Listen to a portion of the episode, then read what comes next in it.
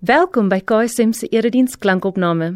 Nadat jy hierdie boodskap geluister het, sal ons dit regtig waardeer as jy die boodskap rate of in Afrikaans gestel beoordeel en deel met ander. Jou terugvoer help ander om saam met ons die Jesuslewe te ontdek, omdat Jesus alles verander. Hier is vandag se boodskap. Here, dankie dat ons vanaand hier kan wees om geen ander naam as as Jesus te aanbid nie. Ek wil sommer dadelik om vra Here dat wanneer ons vanaand na u woord luister, wanneer ons praat oor u, wanneer ons met oor oulike stories en metafore praat, Here, help dit alles van dit net na u toe sal wys. Alles oor Jesus sal gaan vanaand. Jesus, u is die Here van ons lewens, die Here van ons tafels, die Here van alles. En ons harte wil nie altyd wil nie noodwendig altyd net u naam sing nie, maar ons sê dit vanaand weer vir u. Help ons om dit te doen, Here. Help ons om dit te leef asseblief en help ons om dit beter te verstaan vanaand. Ek bid dat u vanaand ook ware transformasie in ons harte sal bring. Ons ons glo met ons hele hart dat ons hier besig is met iets lewend, met iets die kerk self as 'n lewende organisme wat verandering wil bring in ons lewens. Ons bid dit in Jesus se naam. Amen. Amen. Ek dink ek was al by 'n glow diens, jy mag mens awe sê hierso of nie. Ek nee nee. Dit dis die probleem met die ouer mense dink ek uh, is 'n uh, jong weirdo as ek dit sê nie. Jong mense dink jy ja, jy's baie oud hy sal sê nie meer awe nie bra. Of sê ook nie meer bra nie. Um, maar maar in geval ehm um, so ek weet nooit wie lekker om te preek vir hierdie crowd nie want dit is 'n lekker diversie, maar dit is goed want ons praat vanaand oor 'n diverse tafel. So dit maak my opgewonde en ons praat vanaand spesifiek oor die tafel van Jesus. Nou ek, ek is altyd moeilik as met metafore werk, maar ek wil net van die begin af sê. So die idee is dat ons sê dat hier is die tafel van Jesus. 'n Tafel waar almal 'n 'n sitplek het, almal 'n stem het, maar Jesus aan die hoof van die tafel sit. Nou so dit is wat ons wil probeer sê, maar hierdie tafel dink ek ons het baie mag. En om dit uit te beeld wil ek begin met 'n storie. John Tyson vertel hierdie storie van 'n ou met die naam Derek Black. Nou hy's gebore in 'n familie wat baie fundamentalisties is, nasionalisties en hulle is baie baie rassisties. Byvoorbeeld, sy pa was, ek kan nou nie sy pa se naam onthou nie, maar sy pa was 'n hero gewees van die KKK mense gewees. Hy hy was baie baie beroemd onder die mense wat bekend is vir haat teenoor ander groepe. Basically enige groep wat nie wit Amerikaans is nie. En hierdie ou is toe universiteit toe passiefvol oor haat verander. Dit is eintlik maar op die woord op neerkom. Hy's gebore in hierdie familie. Passief oor 'n haat verander en hy het wel geweet dat dit gaan sy lewe moeilik maak. So wat hy gedoen het is hy het amper so 'n omgekeerde vigilante het hy um, in die dag klas geloop en normaal student gewees en in die aande het hy organisasies begin. Hy het onder andere 'n organisasie begin wat ehm um, 'n kampanje gehad het teen die Jode. So anti-Semitist movement begin en hy het 'n klomp sulke goedes in die aande gedoen en nog steeds goed gedoen op um, universiteit en sy grade goed gekry. En hy het so deur die lewe gegaan tot op 'n stadium wat iemand uitvind wie hierdie ou is. En toe raak sy lewe hel die die professors wou nie eers meer vir hom help met sy punte nie. Hulle wou hom nie help as hy iets nie verstaan het nie. Die klasmaat is nie aan sy kant nie. En ek meen enige van julle wat al by universiteit was, sou weet vir al sy tipe studente soos ek is, sal weet hoe nodig jy daai een girl met al die notes het. En uh en hy het nie hy het nie daai mense gehad nie. Hy moes self deurkom sonder die notes, hy moes self hierdie dinge doen op sy eie. En behalwe vir dit het almal hom eintlik maar gehaat. Almal het ironies genoeg met hom gedoen wat hy eintlik voor bekend staan. Almal het hom hanteer soos wat hy ander groepe sou hanteer. En en hulle het soveel haat teenoor hom uitgespreek, so lelik met hom gewees totdat daar 'n Jood eendag wat baie baie bewus is van wie hy is. Baie bewus is van die dinge wat hy al teen hom gesê het as 'n Jood het gesê kom eet saam met my. Nou die interessante van hierdie Jode is daar was nie baie Jode op hierdie spesifieke ou se kampus gewees nie. So hy het maar op op 'n Saterdag aand as hulle die Sabbat vier, het hy uh op 'n Vrydag aand het hy die mense gebring um van klomp verskillende oorde en gelowe want hy kon nie Jode kry om saam met hom te vier nie. So hy het 'n ateïs gehad, hy het hierdie een moslim meisie gehad. Hy het net klomp random mense bymekaar gekry. Sê ek weet jy's nie 'n Jood nie, maar doen net hierdie een Joodse ding saam met asseblief. Ehm um, en ek wil dit doen en is 'n bietjie awkward en weird om dit alleen te doen. So ehm um, sal jy saam met my kom. Maar ook hy het hierdie oop hart gehad. En een op 'n daar op stadium sê hy vir hierdie ou wat nie enige vriende oor het nie, wat niks eintlik het nie. Hy het nie sosiale lewe nie. En universiteit was nie vir hom lekker nie. Hy sê vir hom kom eet saam met my en kom eet saam met ons. Vir die eerste keer in hierdie ou se hele lewe sit hy actually aan tafel met die mense wat hulle aan tafel bespreek het. Hy sit aan tafel met die mense wat sy pa soveel haat oor uitgespreek het op 'n stadium en hy hoor hulle stories. Hy sit met Arabiere, die mense met die bomme volgens hom. Hy sit met hy sit met Indiërs, hy sit met Jode, hy sit met um alles omtrent behalwe wit mense aan daai tafel. En hy like dit nie baie in die begin nie, maar is alwaar hy het om te gaan. Dis die enigste plek waar hy kan eet saam met ander mense en hy hou aangaan en hy hou aangaan Vrydag na Vrydag spandeer hy met hierdie groep uiteenlopende mense totdat dit op 'n stadium sy lewe totaal en al transformeer. Hy los al die organisasies en sy familie skop hom tot 'n mate eintlik uit want hy is nie meer bereid om teen ander te wees nie. En hy het nou besef hoe vervullend dit is om vir ander te wees. Vir die ander om hierdie tafel. En dis die krag van hierdie tafel wat ons by by kan sit. En en daai was nie eers die Jesus tafel gewees nie. Nee daai was nie eers Christene wat hom genooi het nie. Die hartseer is waarskynlik dat die Christene wat aan die Jesus tafel was, se tafels dalk baie meer gelyk het soos die tafel wat hy aan gewoond is. Die Christene se tafel was dalk nie so divers nie. Die Christene se tafel was dalk nie so missionaal nie, so uitreikend nie, so verwelkomend nie. En dit is my nogal skerry om te dink dat hierdie ou dan op die ou net daar sy ruimte en sy tuiste vind. Dis die krag van die tafel en ek dink die Jesus nie, ek dink nie, ek weet vir 'n feit die Jesus tafel het nog meer krag en dis wat ons net met die nagmaal gaan sien. Die Jesus tafel dien nie die vermoë om ons met mekaar te verbind nie, maar ons om ons met die ewige God te verbind. Die God wat ons kan verlos van al ons sondes, die God wat vir ons ewige lewe kan gee. Dis die krag van die Jesus tafel. En as ons praat oor die krag van die Jesus tafel, of praat van die krag van die tafel, dan praat ons eintlik oor gasvryheid. So ek wil net vir 'n oomblik stil staan met wat is gasvryheid nou eintlik, soos ons dit verstaan? Dis meer as net Heidi se se se tyd verdryf, maar maar gasvryheid is eintlik 'n 'n 'n dieper ding met Christelike geloof nie van onderskei kan word nie. Dit is onafskeidbaar van die Christelike geloof. Want die tafel is ag die die, die gasvryheid is eintlik die kernhart van die evangelie. So vir John Tyson sal sê dat die die the gospel is the hospitality of God. Gasvryheid is eintlik ons uitdrukking van wat God vir ons gedoen het. Die hele evangelie wat ons verkondig gaan oor gasvryheid. En vir, ek wil vinnig net vir julle van julle sal dit dalk van hou, van julle dalk nie, maar net so 'n bietjie ehm um, taal vir julle wat belangstel. Die interessante van die van die van die Grieks van die woord gasvryheid is dat dit bestaan uit twee woorde. Jy het nou hierdie een taal almal het al elke predikant wil vir hulle preek gepreek oor die vier tipes liefde, jy weet phileo en al daai. Nou die phileo deel, broederlike liefde. Dit is die eerste deel van die gasvryheid en die tweede een is xenia of hoe ek hom wil uitspreek. Nou hierdie woord saam xenia is eintlik die idee vir vreemdeling of strangers. Jy ken xenofobia, die vrees van vreemde. Nou hospitality is eintlik die liefde van vreemde mense gasvryheid is eintlik die liefde van vreemde mense wat eintlik dit so sterk maak want soos wat um Joshua Jep sê hospitality is the act or process whereby the identity of the stranger is transformed into that of guest While hospitality often uses the basic necessities of life, such as the protection of one's home and to offer food or drink or conversation and clothing, the primary impulse of hospitality is to create a safe and welcoming place where a stranger can be converted into a friend. Nou hoor mooi as ons nou later vanaand gaan kom by die idee van evangelisasie en om te sê dat hierdie tafel moet mense ook tot bekering bring. Hierdie tafel moet mense ook verbind met die ewige God. Hoor mooi dat dit gaan nie in die eerste plek noodwendig daaroor nie, dit gaan oor regtig vriende maak. Not to convert them into Christians or to convert them into thinking like me, but convert them into friend. En as jy nog dieper wil gaan, die mooi ding van die Engelse woord um hospitality is dat dit kom van daai hospice woord wat eintlik na hospitaal verwys. En 'n hospitaal is 'n fisiese plek waar mense wat mekaar nie ken nie, versorg word deur mense wat hulle nie ken nie.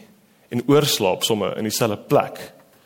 Is dit nie mooi as ons huise dalk hospitals kon word nie waar ons waar ons actually vriende maak van vreemdelinge. Dit is 'n baie pragtige ding, maar ek hou ook van die Afrikaans. Van die Afrikaans van gasvryheid insinieer reeds dit wat John ag Joshua Jep hierso gesê het. Die Afrikaans insinieer dat die persoon reeds 'n gas is. Gasvryheid. Is dit nie mooi nie? So, so met ander woorde, wanneer kerk sonder mure byvoorbeeld dink aan die mense wat vandag hier gaan aankom wat vir die eerste keer deur die deure gestap het. Dalk is jy een van hulle wat vir die eerste keer deur hierdie deure vanaand gestap het. Dan het ons jou eintlik reeds as 'n gas En dan as jy my logika volg as vriend beskou. As vriend of potensiële vriend, maar ons wil alles van ons kant af doen om 'n vriend te hê. Dit is die evangelie vir ons vra. Dit is die evangelie vir ons gee. Ons almal was vyande van God, soos Efesiërs vir ons sê, maar maar ons is nou vriende van God. Ons kan nou vriende van God wees en daarom wil ons vriende van ander wees, die wat nie vir God ken nie. Maar is interessant dat in ons kultuur, soos Miroslav Volf eintlik al lank terug gesê het, we live in a culture with a persistent practice of exclusion. Ja, ons is baie goed daarmee. Jette, ek meen ek gebruik altyd die skool as 'n voorbeeld. Ek weet ek praat nie net met tieners nie, maar die skool is met die beste voorbeeld van ons culture of exclusion. Jesus is baie goed daarmee. ja, daar is altyd gevra vir my. Ek onthou ek het skole verander in graad 10 en dit was my baie moeilik in die begin want almal het gevra watter groepie is jy? Ehm um, so ek ek sal maar sien, ek ek weet nie. Ehm um, En toe bestaan met ek net al gegaan na my vriende wat ek van laerskool af geken het en ek het toe met klomp van hulle weer connect. En ek onthou baie baie goed nog een meisie het na my toe gekom een klas en gesê Christo hoe het jy by daai groepie ingekom? Amper al vir sy almal wil daai groepie inkom en hulle is die weirde is op die bult wat baie exclusive is.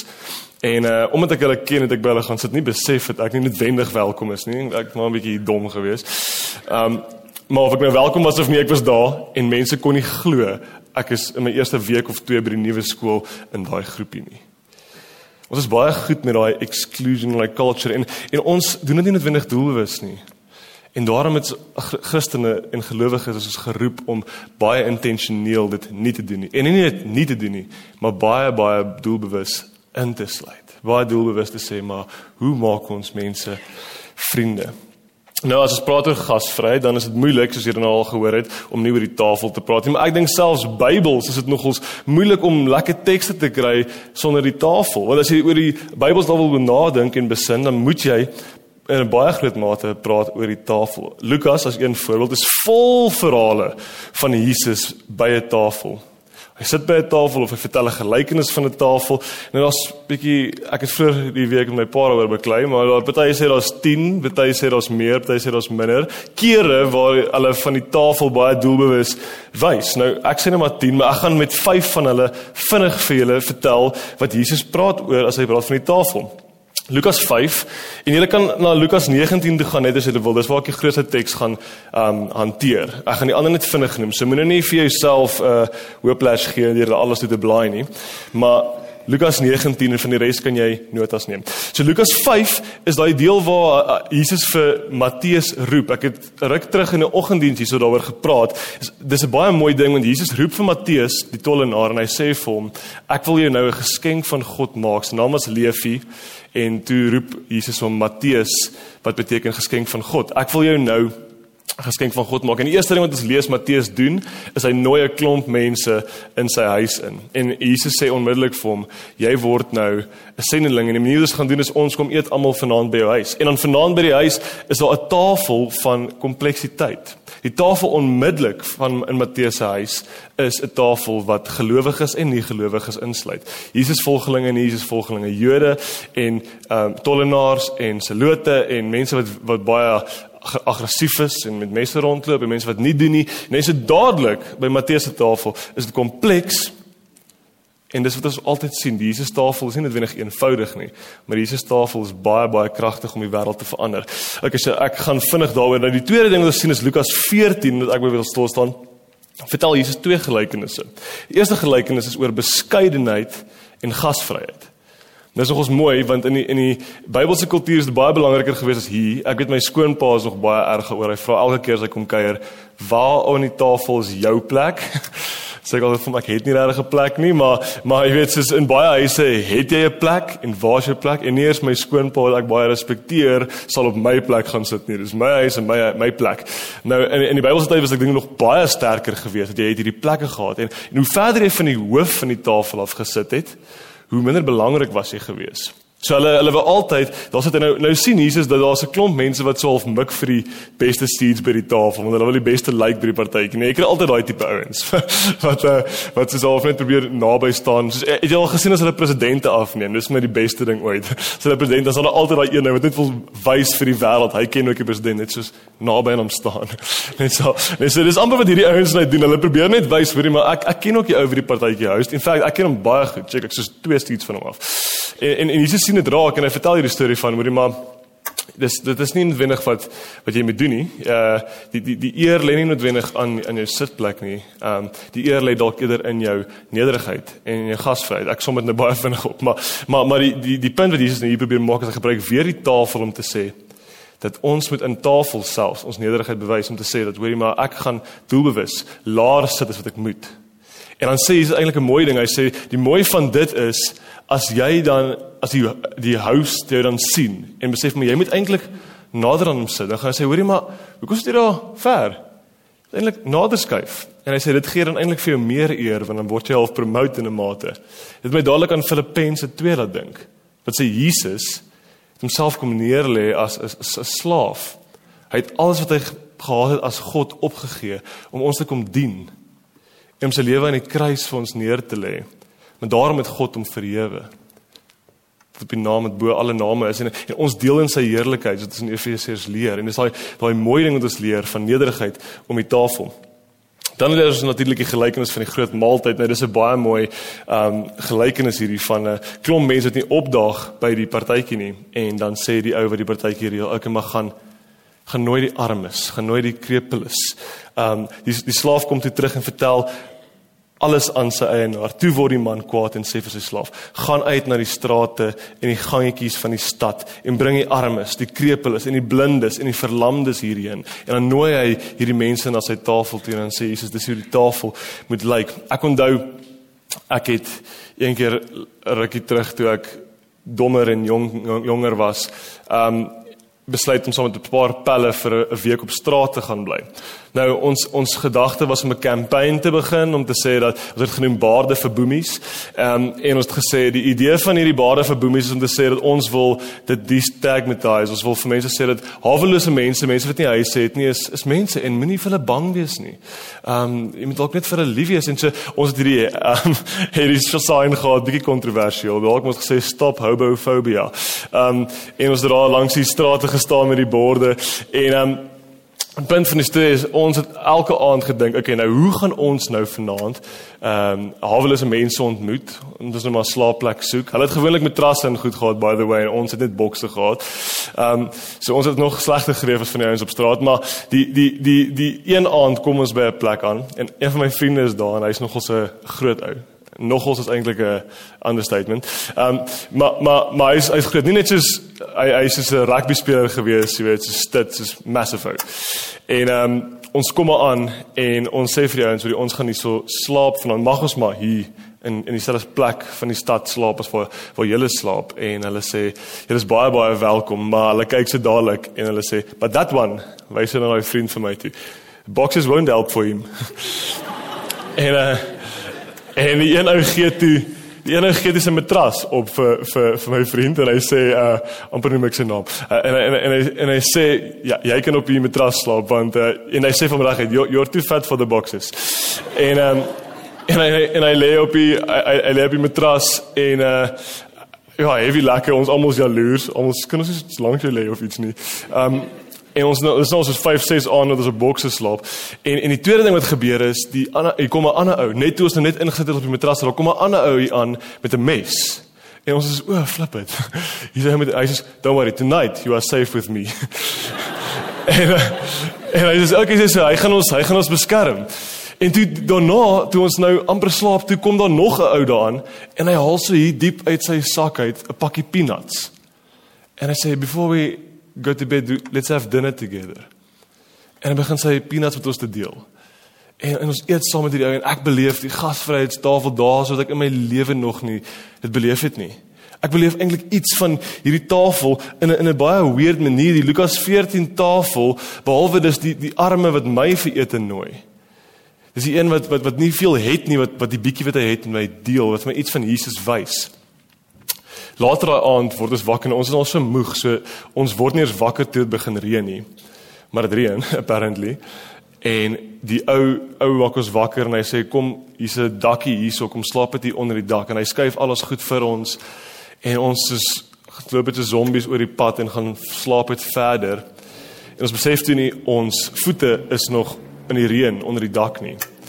En toe ek die volgende oggend wakker word, so ek sê ek het redelik diep geslaap, toe sien ons ons almal se voete is met plastiek omgedraai. Toe die ouens in die aand ons voete met plastiek kom toedraai, dat ons skoene nie sal nat wees vir die volgende oggend nie.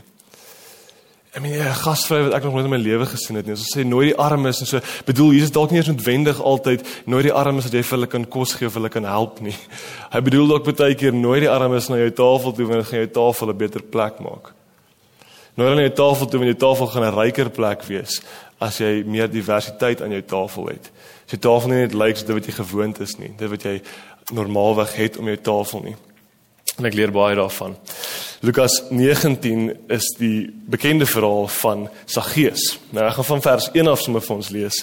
Lukas 19, Jesus het in Jerigo gekom en was op pad deur die stad. Daar was 'n man met die naam Saggeus, die hooftollenaar, 'n ryk man. Baie interessant. Ons weet nie regtig hierdie hooftollenaar term is nie 'n be, bekende titel nie. Dis moeilik om as ons nou gaan navorsing doen uit te vind presies wat hierdie titel hooftollenaar beteken het, maar die die beste skolastiese Raaiman het dit waarskynlik wou hierdie teks baie graag vir ons sê hierdie ou was 'n belangrike tollenaar. Hy was nie net 'n average tollenaar nie. Hy gaan uit sy pad het om vir ons te sê hierdie ou is nie net 'n bad guy nie, hy's 'n super bad guy, nee. So dis goeie rede. So, so is interessant hierdie hooftollenaar woorde ons daar kry.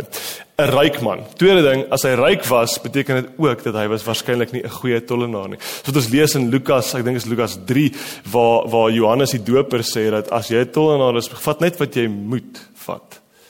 Nou, tollenaars het altyd maniere gehad om nog meer te vat.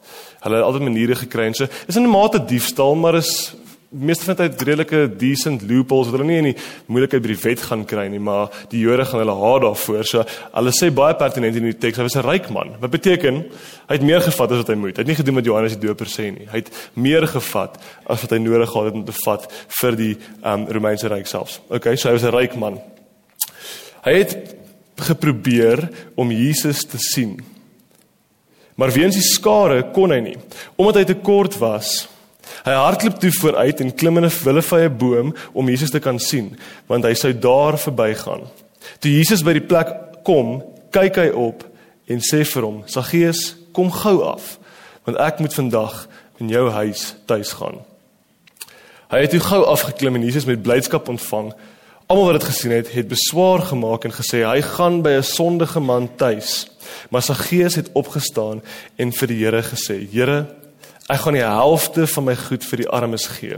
En waar ek iets van iemand afgepers het, gee ek dit vierdubbel terug. Daarop sê Jesus: "Vandag het daar redding vir hierdie huis gekom. Ook hierdie man is 'n kind van Abraham, die seun van die mens, het immers gekom om te soek en te red wat verlore is." Op 'n paar dinge net vinnig stil staan. Die eerste ding is hy het geprobeer om Jesus te sien. Dis ek het lanklaas hierdie teks in Afrikaans. Ek het nie geweet geprobeer is 'n woord nie. Is probeer, is dit nie hy het probeer nie.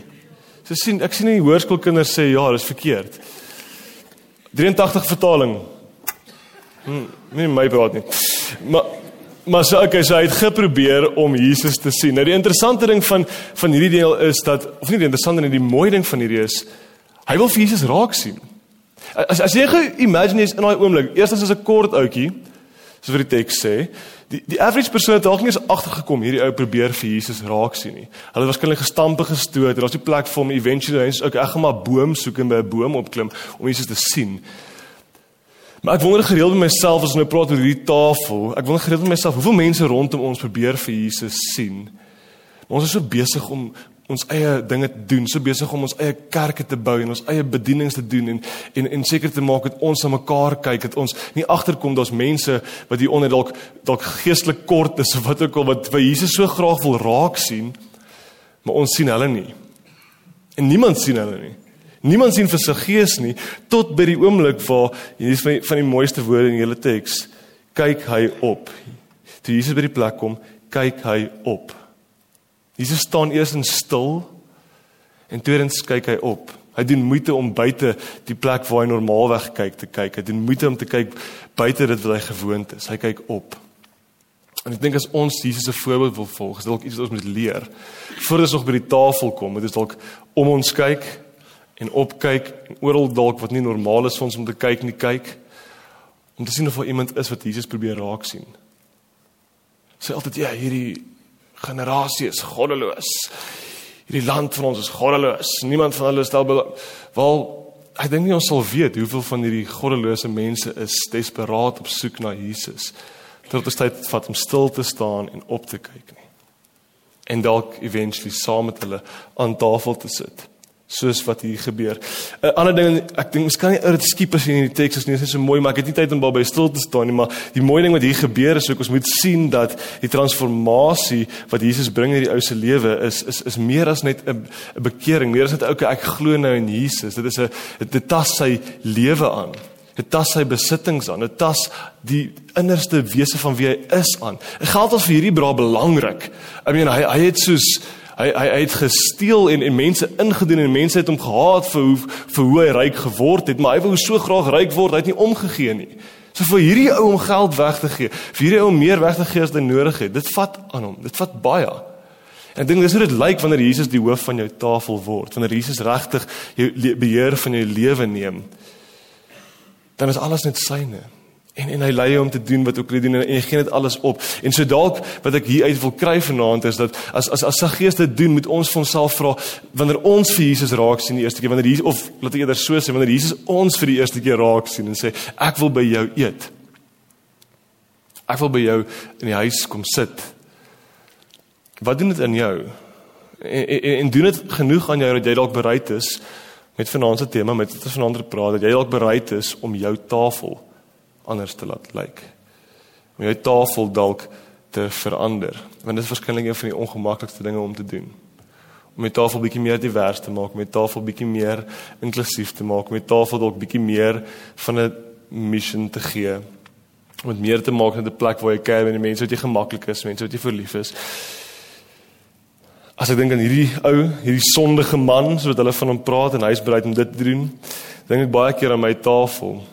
En dan dink ek ek eh, ek het nog nie beleef wat Saggeus beleef het nie.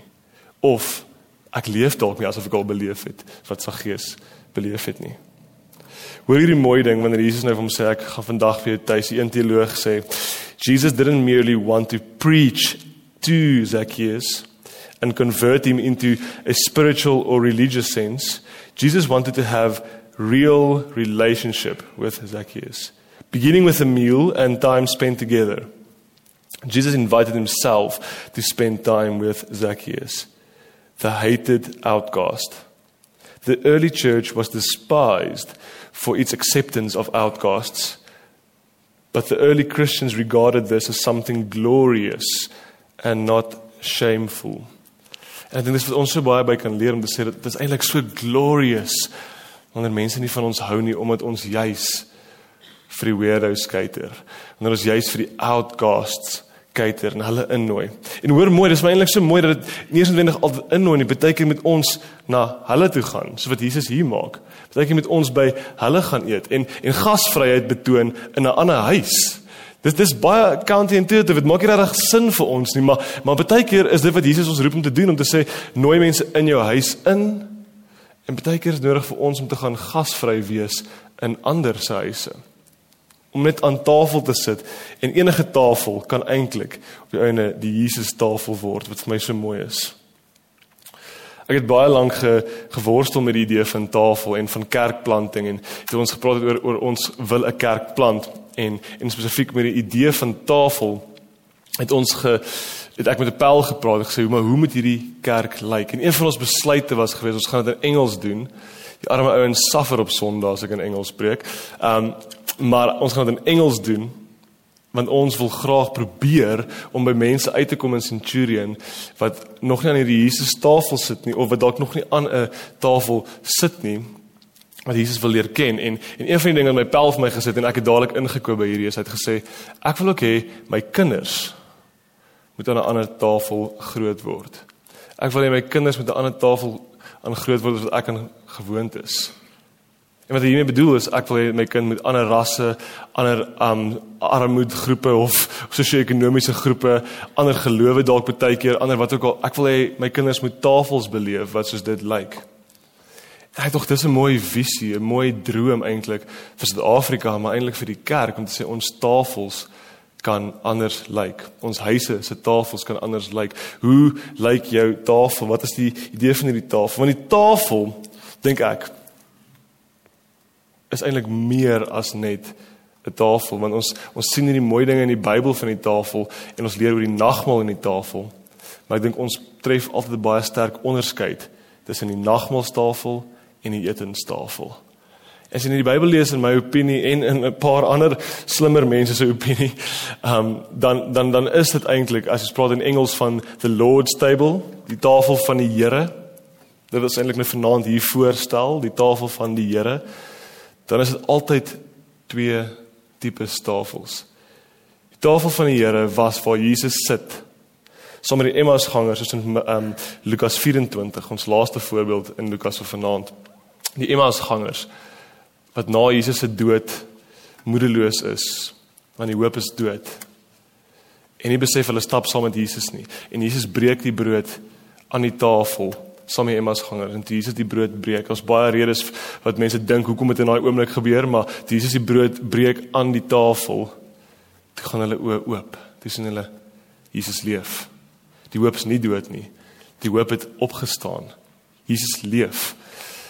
En aan die tafel waar hulle saam kuier, dis waar die Here se tafel is. Aan die tafel waar Jesus vir mense leer wat dit beteken om die koninkryk van God uit te bou. Aan die tafel waar waar die disippels geleer kry om lief te wees vir die tollenaars en vir die die uitgeworpenes van die wêreld.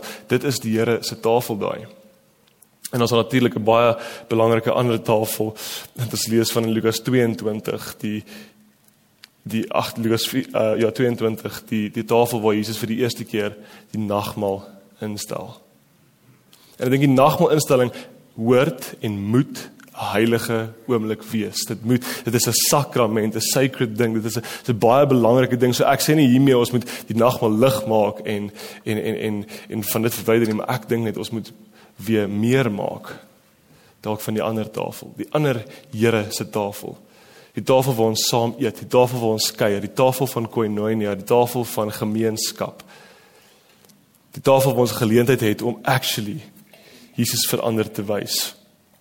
Dis 'n baie lang baie nooi nice quote wat ek wou lees, ek het tyd gaan hê nie, maar die vereniging van uiteenlopende kultuurgroepe rondom ons Here se tafel het inderdaad die potensiaal om ons wêreld te wys hoe ware versoening tussen verskillende mense en rasse en en kultuurgroepe en sosio-ekonomiese groepe kan lyk. Like.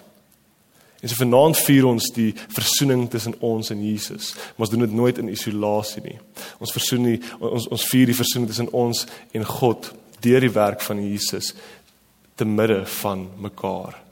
Te midde van ons wat die ver verantwoordelikheid en die voorreg het om 'n voorstelling van Jesus te kan wees vir die wêreld.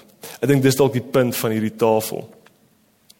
Die gedagte van die tafel is om te sê ons moet eenheid met Christus hê en eenheid met mekaar hê.